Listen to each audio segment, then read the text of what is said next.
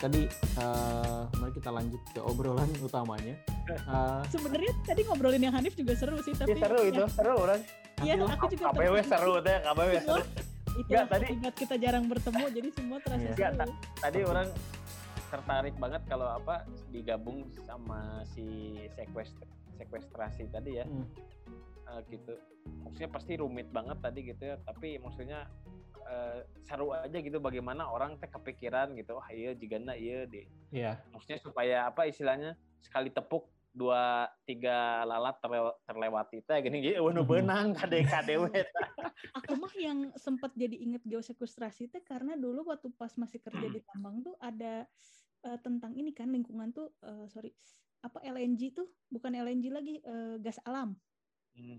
Nah gas alam itu juga kan dia tuh untuk jadi kayak dia tuh kayak malah ngeinjeksiin gitu supaya si Iya, gas iya, itu iya. tuh eh, malah ketangkap gitu kan. Jadi kayak ya gitu tadi gitu. Jadi kayak lebih ber- lebih bagus untuk lingkungan juga gitu kan segala macam. Jadi kayak nangkap eh, terus dia malah ngedorong si gasnya untuk keluar gitu. Menarik menarik menarik. Oke oke. Memang kabehanana terasa menarik sih Oh. lamun kieu mah. tapi pas ditanya gawekeun teh itu euy, orang ngan ter- tertarik kungkul cenah Iya. Emang gitu. Biasa. Emang. Siap, oh ya serius serius serius. oke Ya soalnya lanjut, lanjut. kemarin se- sekarang tuh jadi isu tuh karena kan si climate change ya ya ada global warming suhu Hmm, lautnya jadi makin tinggi. Iya, betul. Nah, karena si hidrat ini teh untuk stabil butuh tekanan yang sangat tinggi dan temperatur yang sangat rendah. Jadi kalau ada perubahan temperatur teh sensitif. Jadi Hmm. jadi karena si airnya tambah anget nih, air- airnya Iya, bayangin Esnya tidak akan terbentuk ya. Nah, bukan tidak akan terbentuk, justru akan Oh. luntur, akan akan leleh gitu maksudnya. Ah, melelehkan esnya. Istilahnya disosiasi lah, istilahnya disosiasi. I see, I see. Nah, ada kemungkinan kalau misalkan disosiasi hidratnya bayangin misalkan dalam jumlah yang sangat metan besar ya. itu udah berapa kali lipat dari CO2 tuh kalau Nah, masalahnya Apa sih? metan tuh kan seperti yang kita tahu dia berkali-kali lipat lebih harmful ya di ozon tuh dibanding CO2 gitu. Ada yang berspekulasi bahwa oh ketika misalkan si metannya lepas dari hidratnya dia masa- bisa masuk ke sirkulasi laut gitu dan ada kemungkinan lepas ke atmosfer gitu. Jadi Iya, iya, iya, iya. Ini teh harus diantisipasi cepat selain jadi peluang tapi juga jadi ancaman gitu katanya tuh. Makanya isunya ke mana-mana gitu di ener- energi Iya, iya di climate change juga kenceng gitu. Iya, iya. Ini tadi sekalian gara-gara penasaran, jadi katanya itu secara ininya kalau di dalam 100 tahun global warming potensial 25 kali lebih harmful daripada CO2 dan 84 kali lebih harmful kalau dalam periode 20 tahun gitu. Jadi kebayang sih kalau sampai metannya karena kan Pas kita ngomongnya rame-rame ya repot. ya, gede banget kan. Padahal Iya. metan yang keluar dari sapi aja, dari sapi yang dari kotoran aja itu jadi isu gitu kalau untuk di lingkungan kan. Nah, itu itu Iya kan? Ya. Iya kan, kebayang Dan- kalau untuk skala dunia tuh, uh, Dan katanya depositnya metan hidrat itu dua kalinya semua kalimatnya gimana? Dua kalinya akumulasi dari semua bahan bakar fosil kalau digabungin jadi satu. wow. Wah, wah, gimana gimana berapa Dua kali lipatnya. Ya, ini depo- depositnya by volume. Deposit dari dari bahan bakar fosil itu dalam arti apa minyak atau si. Minyak, gas, pokoknya semua segala Ah, macam. banyak dulu. Nah, Tapi makanya it- itu frame time frame-nya berapa lama? Maksudnya yang yang di yang apa eh, dikategorikan eh, mengancam tadi gitu. mm, Maksudnya sebelum sebelum sebelum naon sebelum leeh gitu si Sebelum itunya. meleleh, sebelum sebelum meleleh berapa tahun. leeh leeh cek orang dia mah kategori Karena- stabil ya kan kategori stabilnya beda-beda jadi Kang De. Jadi misalkan ada yang tiba-tiba Hmm. naik sederajat jadi bisa bisa disosiasi gitu. Ada yang lebih Oh. resisten gitu-gitu. Jadi makanya Iya, iya, kajiannya iya, iya. harus cepat beres sih gitu. Sorry, sorry. Soalnya- Itu tuh dipengaruhinya apakah terhadap lokasi atau apa tuh nih tadi yang maksudnya beda-bedanya itu terhadap apa? Mm-mm. Lokasi. Lokasi kayak misalkan di permafrost dia mungkin lebih resisten karena daerahnya lebih ini gitu. Emang dingin misalnya. Ah. Ah, sementara kalau misalnya kayak tadi yang oke oke paham paham paham. itu karena orang tertarik juga tuh itu dia dia apa sih lokasinya tuh di Arctic Circle ya berarti ya itu Uh, permafrost di lintang tinggi sih sebenarnya. Nggak Tapi harus itu Arctic Circle, tapi Arctic Kotanya. Malik atau naon sih? Malik mah ini nama drilling site-nya. Malik Oh, mah esensial. Ya orang teh mikir banyak aya kok kota. Bayi orang gue sempet googling itu ya. Malik double L, L -na. Oh ya ya ya, Malik ya ya. Double Ya, L orang- pakai T atau pakai K Malik. Malik pakai Q. Kiki Malik. Ini soalnya soalnya orang tertarik juga ke apa sih Arctic itu dulu eh, sempet sempet inilah orang tertarik banget eh, utamanya karena eh, ya biasalah global warming gitu ya kita eh, apa antisipasi gitu di di tahun dua sekarang tahun 2020 gitu ya staying lah di tahun 2100 gitu ya Hmm. katanya kan mungkin tadi apa mencair gitu segala macam. Nah itu dari segi logistik dan navigasi itu si Arktiknya akan bisa di di apa dilewatin sama kapal gitu Hmm. jadi maksudnya tadi kepikiran tuh "Ih, si, si permafrostnya belah mana orang berandai-andai gitu ya maksudnya tuh bagaimana kalau dalam hal ini kan yang diteliti oleh Hanif s- eh, mencari kestabilan itu gitu ya tapi di sisi lain maksudnya untuk mendapatkan apa tadi untuk energi ya kebutuhan energi tapi di, si- Mhm. di sisi lain di apa ya mungkin di sektor yang lain gitu ya dari segi navigasi segala macam ini kalau men- mencair gitu ya ma- ma- apa memandang positifnya navigasi berarti lebih ini berarti apa eh, dan juga di sana katanya kan banyak terdapat sumber daya eh, fosil juga gitu di sana Iya. jadi kalau kalau mencair bisa di Tapi mungkin yang kalau Nah. kita bisa ambil dari kalau aku gitu tadi mikir gitu dari semuanya adalah kayak paradigma kita sekarang ngomongin energi apa gitu fosil dan segala macam emang harus rada-rada memandangnya itu futuristik ya. Udah udah bukan cuman bisa ngomongin oke batu bara minyak bumi saling tarik-tarikan dua itu aja gitu ya. Hmm. Kayak udah mulai apa ya orang-orang udah mulai melihat ada potensi lain nih gitu yang ya ya ya yang gede Iya. gitu kan. Kayak kayak Norwegia kan salah satu eksportir bahan bakar migas paling besar kan ya. Negaranya Hmm. kaya gara-gara itu gitu. Tapi di Ya. dalam negaranya sendiri kan semuanya serba listrik gitu. Bahkan kalau nggak salah warganya kalau masih pakai mobil gas tuh, mobil apa namanya bensin itu tuh Iya, ada iya. dendanya gitu dan kalau misalkan pakai Tesla misalkan pakai mobil listrik tuh dikasih Hmm. insentif sama pemerintah gitu. Mungkin Iya. emang udah harus ke arah sana sih mungkin ya. Tapi untuk negara-negara berkembang emang masih susah karena teknologinya juga kan lebih mahal. betul semua tuh mungkin karena kesulitan ya kalau kayak Iceland gitu kan dia juga kayak nggak punya cara lain ya udah pakai apa Geo- gas geothermal. eh, geothermal gitu kan Hmm. akhirnya jadi bener-bener negara Dan paling clean Benghar, kan iya.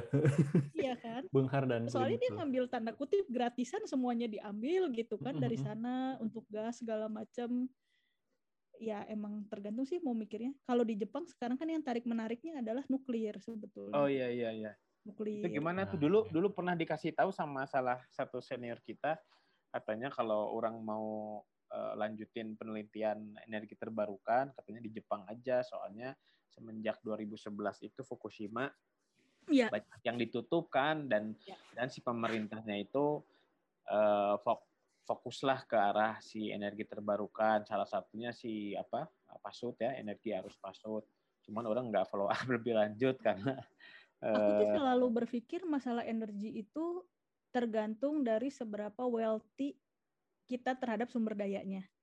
Kayak di Indonesia kasarnya gini deh. Aduh, ngapain sih gitu? Pakai susah-susah gitu tenaga pasang surut misalnya gitu ya. Sementara batu bara tuh bertebaran dan murah. ya, ya, Kayak ya, kesannya ya. kayak gitu kan. Terus kalaupun Indonesia kan negara tropis, aku tuh baru ngerasa gitu ya. Kita tuh berubah satu dua derajat tuh nggak ngaruh gitu. Sementara di Jepang, aku aku feeling aku ya ini mah kayak tiba-tiba, hah kok udah sakuranya tuh lebih cepat sekarang gitu. Jadi perubahan musim tuh efeknya tuh kerasa gitu. Kalau mau dibilang tuh kayak makanya orang-orang di Skandinavia mungkin mereka pengen hidup clean ya karena perubahan cuaca tuh ngaruh banget sama hidupnya gitu kan. Kalau di Jepang balik lagi nuklir itu jadinya jatuhnya sekarang tambah banyak penolakan kan. Eh, akhirnya kalau kita ngomongin sinar matahari udah nggak sekaya Indonesia, nggak Hmm. bisa gitu kan kayak gitu.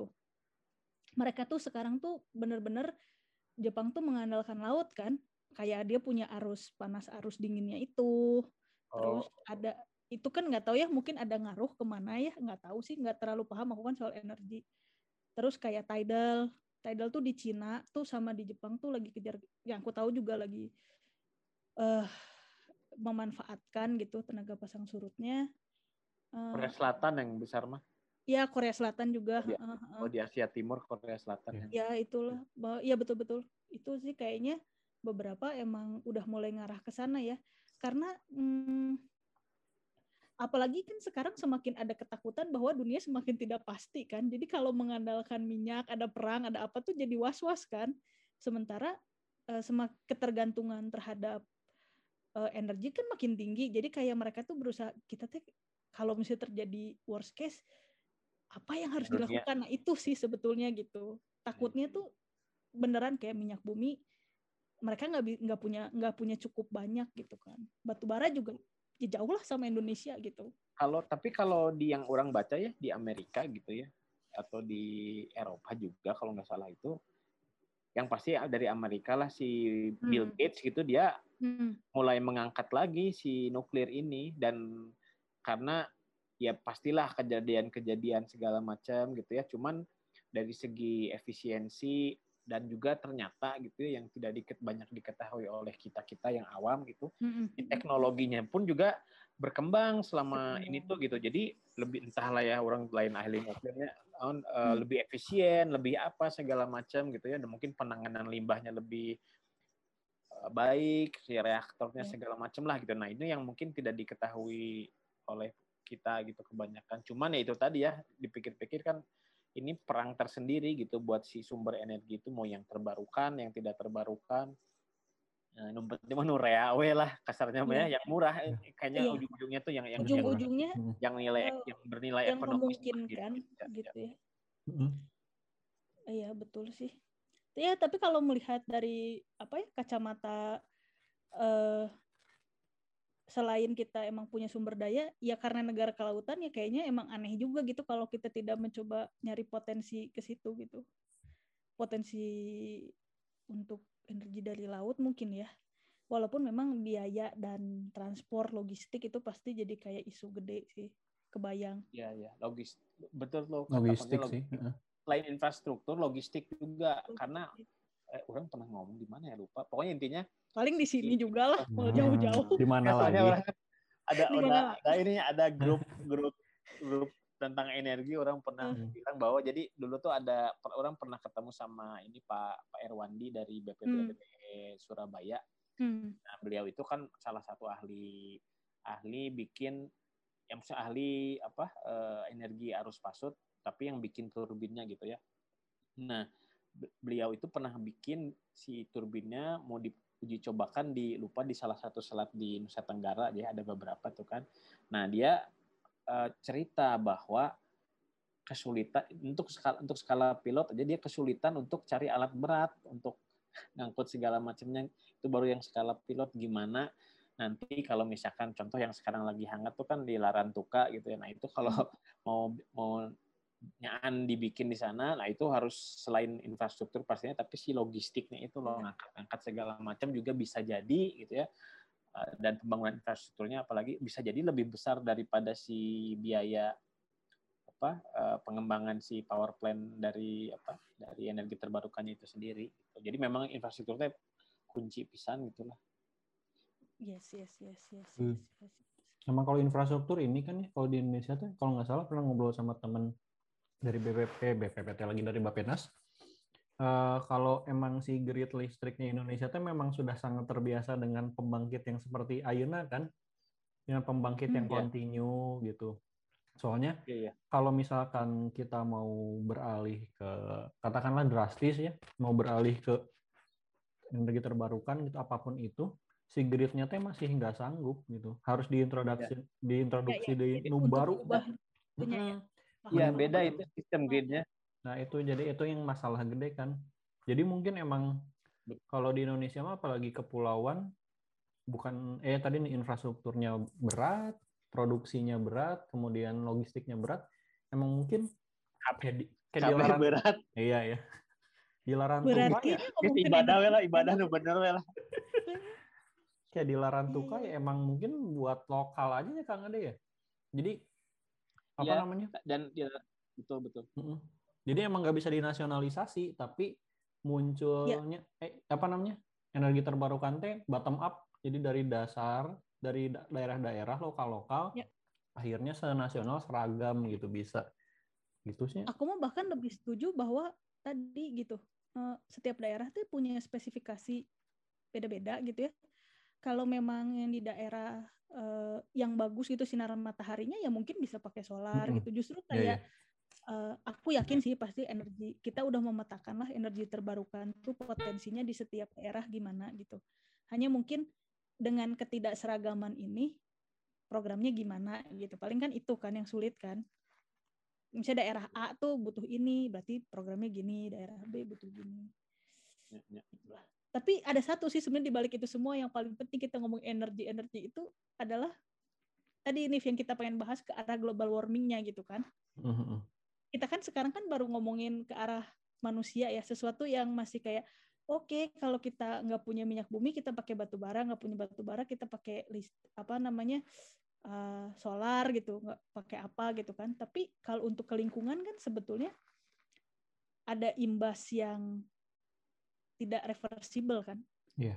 apa ya irreversible ya jadinya Ya, ya heeh. kalau global warming kan gitu kira-kira bagaimana pandangan Pak Hanif mengenai ini Pak saya saya melemparkan pertanyaan saja ini Ini harusnya dibahas jadi satu topik lagi sih. Cuman emang eh kan ini yang kayak tadi udah sempat disinggung nih sebelum podcast, sebelum diskusi ini eh, yang Hmm. masalah tipping point 2030 itu kan.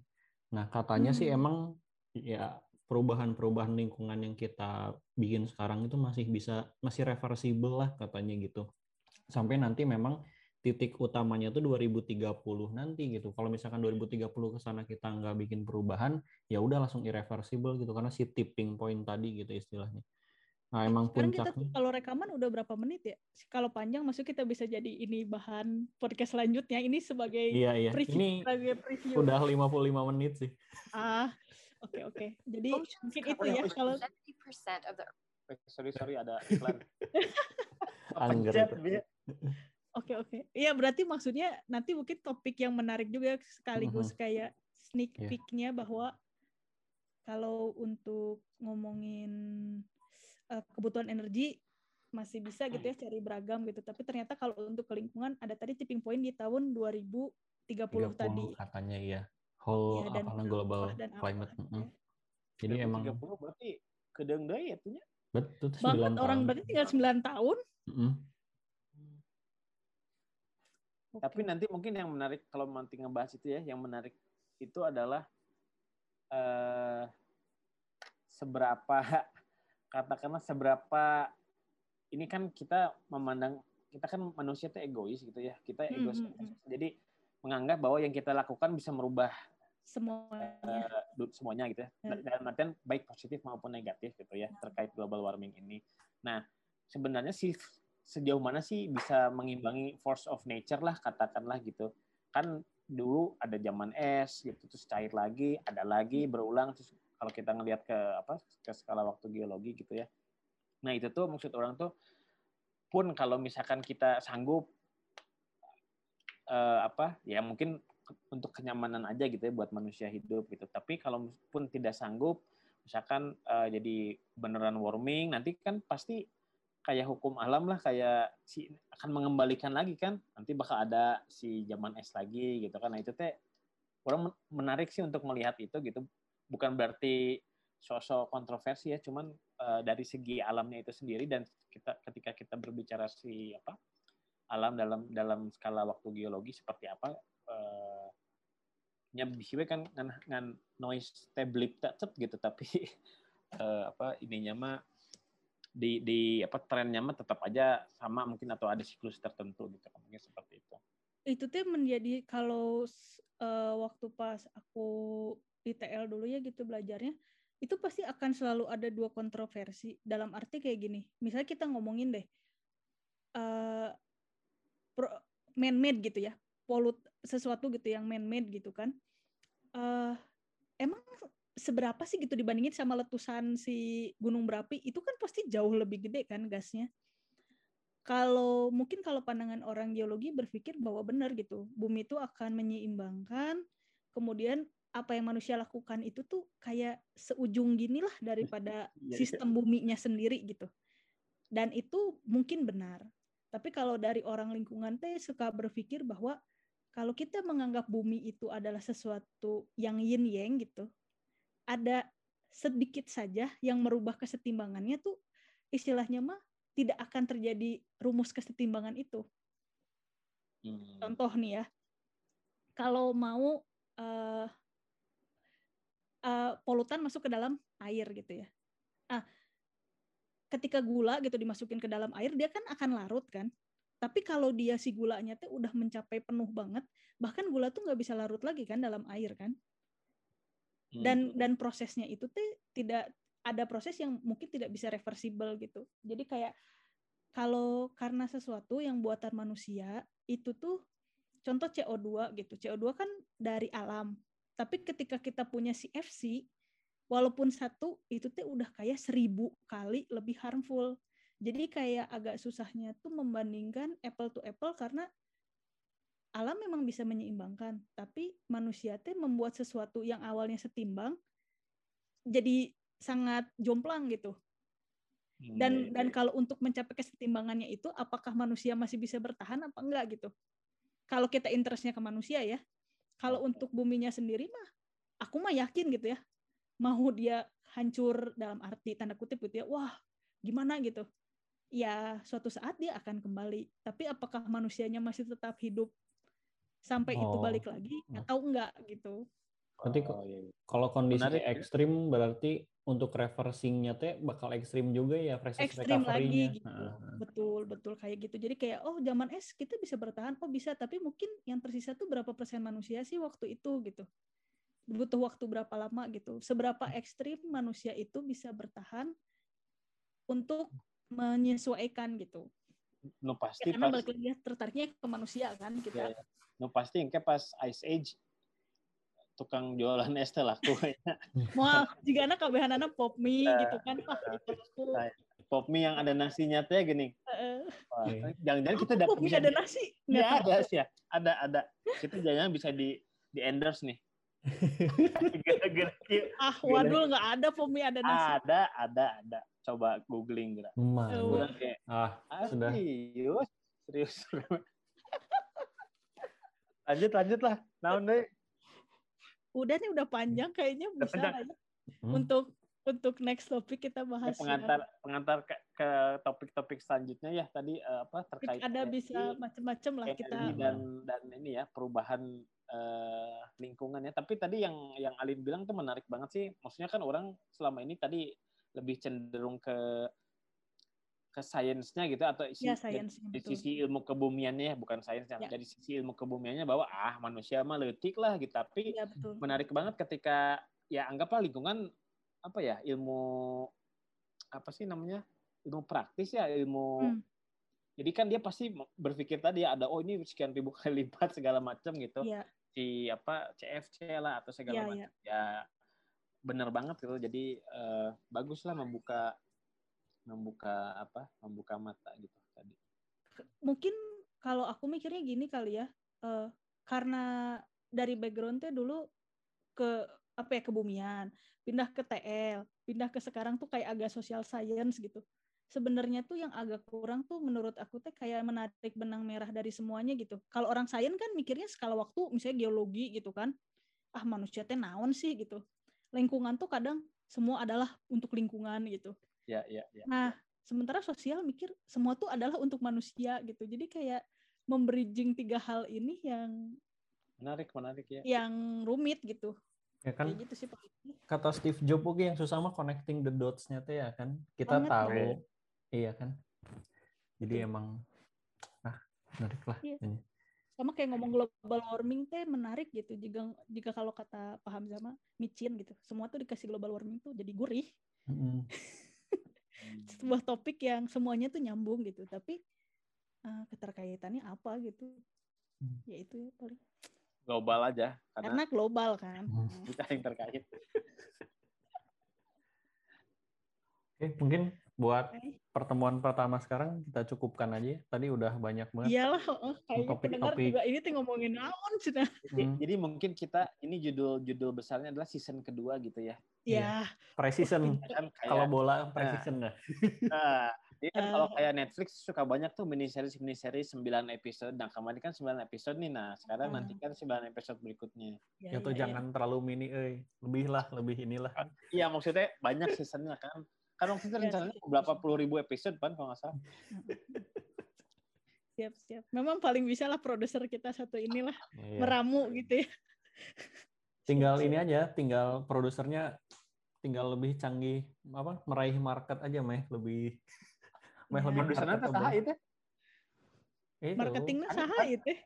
Hanif ini. kan Bapak Ara Yang pasti nih motornya Hanif. Ya, orang mah ngan Iya. Pokoknya ke tuh ya. Pokoknya ya podcast ini adalah thanks to Hanif. Hanif Ya, yang betul. motori, mengedit gitu. Yang kita berdua mah dengan modal Iya. bacot hungkulnya. Ya, betul betul. Nah, heueuh yang Sama sama kita modal doa pastilah. Kita dukung gitu semangat. Ayo Nif gitu. Sok Tapi edit. emang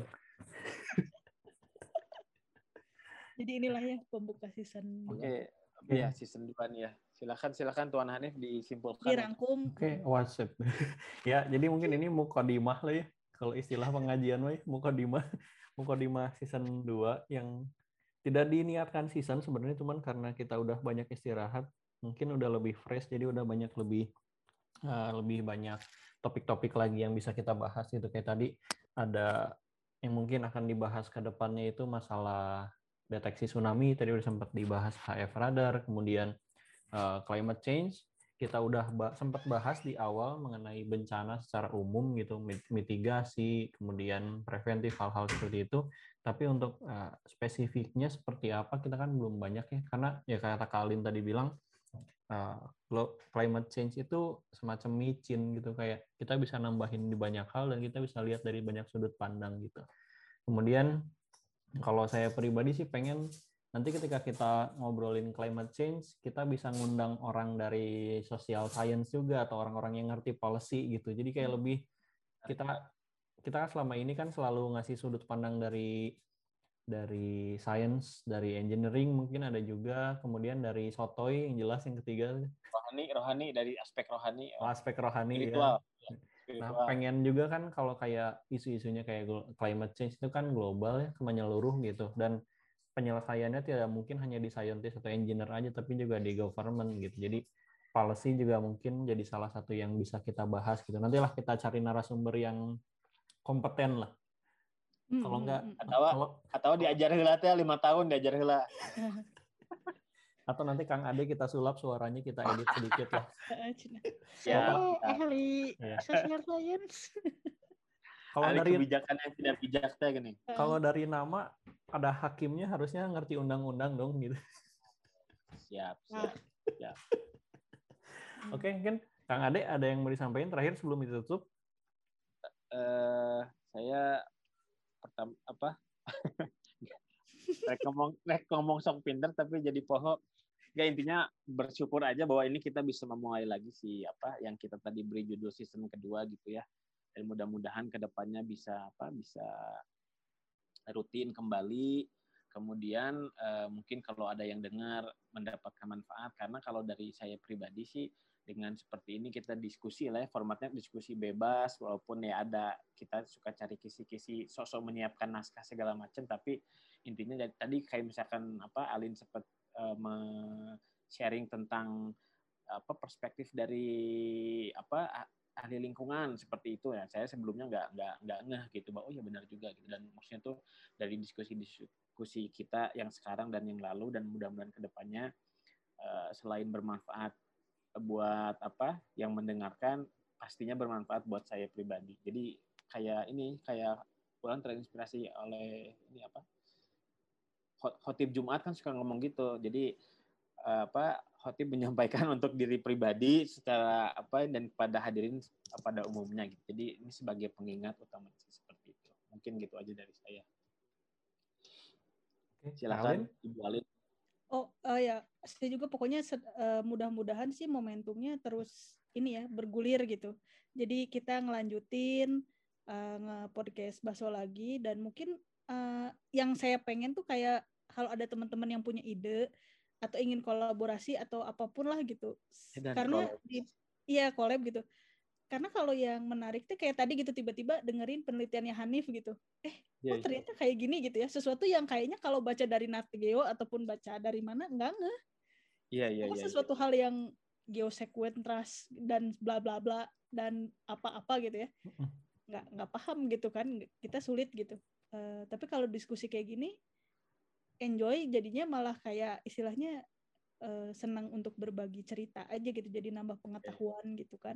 Jadi kalau apalagi kalau ada teman-teman di luar bidang kita gitu yang emang juga tertarik itu bisa banget yeah. untuk collab. dan melatih kesoktahuan kita juga gitu ya. Jadi iya biar kita tambah sotoy kan. Jadi kan sekarang kita karena kita nggak tahu kita banyak sotoy makin tampak meyakinkan gitu. Jadi ma, ma apa sih intinya mem, mengemas ketidaktahuan kita sebenarnya yang ya, penting. Betul. Kan? Jadi kayak kayak kita apa riset juga kan gitu ujungnya pasti masih makin banyak pertanyaan lagi gitu kan biasanya. kita jadi, jadi akan memulai dengan kayaknya kita udah tahu sampai di tengah-tengah kayak kita nggak tahu apa-apa deh. ya terus kalau kalau mengutip ini siapa sih orang lupa lah salah satu. Uh, Kutip Jumat. bukan bukan bukan bukan. Oh salah. Sekarang ini saintis sekarang saintis oh, dia okay. bilang bahwa uh, apa uh, if you if you if you are doing science and you apa and you know what you are doing kamu harus berhenti gitu karena kalau Dan kita riset kita gitu ya. biasanya nggak ya. kita tidak akan pernah mendapatkan jawaban ya jadi kalau kalau riset ya biasanya ya nggak tahu kita mau ngapain gitu tapi mungkin ya mudah-mudahan ini bukan bukan semata-mata ego sebagai saintisnya aing nggak nyaho itu. Geleta jadi benar-benar ngeblank bukan berarti seperti itu gitu. Tapi intinya melatih uh, curiosity gitu ya. Tapi yang mungkin intinya adalah itu tadi si riset itu kadang sering kali kali ya mungkin uh, apa si hasilnya itu unexpected dan malah kita maksudnya menjawab satu pertanyaan timbul pertanyaan-pertanyaan lanjutan dan ya jadinya uh, terus gitu berkesinambungan. Mantap itu itunya atau tadi quote-nya Kang Ade bisa dipakai buat Monev project tuh sebenarnya. Kenapa Uy. hasilnya seperti ini? Oh, tidak ada yang mengerti. ya, ya, betul. Ya, betul. Itu itu kayaknya jadi ini deh, jadi apa uh, dilema saintis nggak sih bahwa uh, biasanya uh, apa sih yang funding agency-nya teh apa nih expected results gitu kan? Yeah. nyata bisa benar nama gitu ada ya. Ada sebenarnya gini expected oh, result is unexpected ah, gitu ya. pinter itu pinter. Ya kan seperti itu. Nah ya sering kali apa inilah uh, tidak tidak apa tidak sesuai dengan yang diperkirakan di awal. Mantap. Oke. Mungkin kalau iya. dari saya buat menutup ini tadi saya sambil sambil Kang Ade diskusi tadi sambil Kak Alin juga cerita, saya nyari beneran ternyata ada pop mie pakai nasi namanya pop mie panas rasa soto ayam Kak Alin jadi mungkin Nah, bener kan sih orang di Tokopedia harganya 5.500 Wow. Oke, okay, balik ke Indonesia nanti mau nyoba nyampe, Nyampe ke Inggris jeung Jepang teh tak? Aduh, ente euy. Di dia ngan aya pop mie ya. hungkul. Mahal di ongkos ini euy. Iya. Kalau dikirim. Langsung dong pop nasi keluar. Coba cek coba cek ke toko Asia terdekat mungkin. Astagfirullah okay, bener pop mie. Yeah. Wow, wow, oke. Okay. Mantap ya, mantap pop, pop mie panas. Sudah okay. kayak KFC saja. Nah, oke. Okay. Oke, uh, oke. Kalau dari saya mungkin ya semoga seperti biasa semoga kita istiqomah untuk dari doa pribadinya seperti biasa kata Kang Ade tadi. Yang pasti itu pengingat diri sendiri dulu. Benar, benar. Kemudian uh, untuk teman-teman yang punya ide untuk kita bahas, seperti biasa, tolong uh, kirimkan ke email, kemudian bisa juga ke IG pribadi saya, boleh Kalin, boleh Kang Ade. Kang Ade tuh nggak aktif ya di IG ya. Uh, dan mohon maaf. Ya? Ada, tapi tidak. Oh, ada. Ada. Nggak tahu orang. Kayaknya nggak ada yang ngebuatin deh. Oh, sahaduk capil. entar, entar, lain-lain. Uh, okay, okay mohon maaf sebelumnya untuk yang sempat kirim email terus uh, belum baru kita balas kemarin karena baru kita cek ke depannya sudah di forward ke email pribadi masing-masing jadi tidak akan kelewat lah jadi aman. Kelewat lah. jadi kalau mau ngasih lagi topik uh, silakan dikirim ke email. Uh, emailnya ada di bio di bionya podcast. Kemudian seperti yang kalian bilang kang Ade bilang tadi kalau misalkan ada yang ingin kolaborasi atau diskusi lebih lanjut kita tidak menutup kemungkinan kita membuka diskusi bareng pendengar lah ya meskipun mungkin belum ramai tapi kayaknya Iya. asik gitu jigana gitu Iya. kayak kayak punya acara sendiri gitu ya Iya, iya, asik sendiri saja kita ya. Iya. Gila sains mah lah riset mah kamana yang penting mah ngobrol ya cenah. yang penting mah guyum kan yang penting mah Iya, kompak, Ya, ya Ya. ngumpul ya, gitu Iya, iya, iya, iya. oke ya nuhun kang Ade nuhun Kalin Uh, sama Baso podcast uh, oceanografi podcast kelautan pertama di Indonesia jangan di tag Betul, kita akuisisi. kalau sama misalkan satu-satunya. ya kalau misalkan kita upload ini berarti kita jadi satu-satunya podcast kelautan yang konsisten karena masih upload yang lain soalnya udah enggak Iya. Siap, siap. oke kami pamit Uh, kalau mungkin buat penutup uh, kita ini masih pandemi uh, tapi katanya sih jalan terang sudah mulai terlihat tapi kan biasanya kalau udah mulai mau akhir justru titik-titik krusial titik-titik kritis di mana kita harus lebih waspada harus lebih jaga diri gitu. Semoga semua sehat semoga semua aman. Sampai jumpa lagi di uh, episode selanjutnya. Baso pamit. Dadah. Eh, Dadah. Assalamualaikum. Bye-bye. So bakso So bakso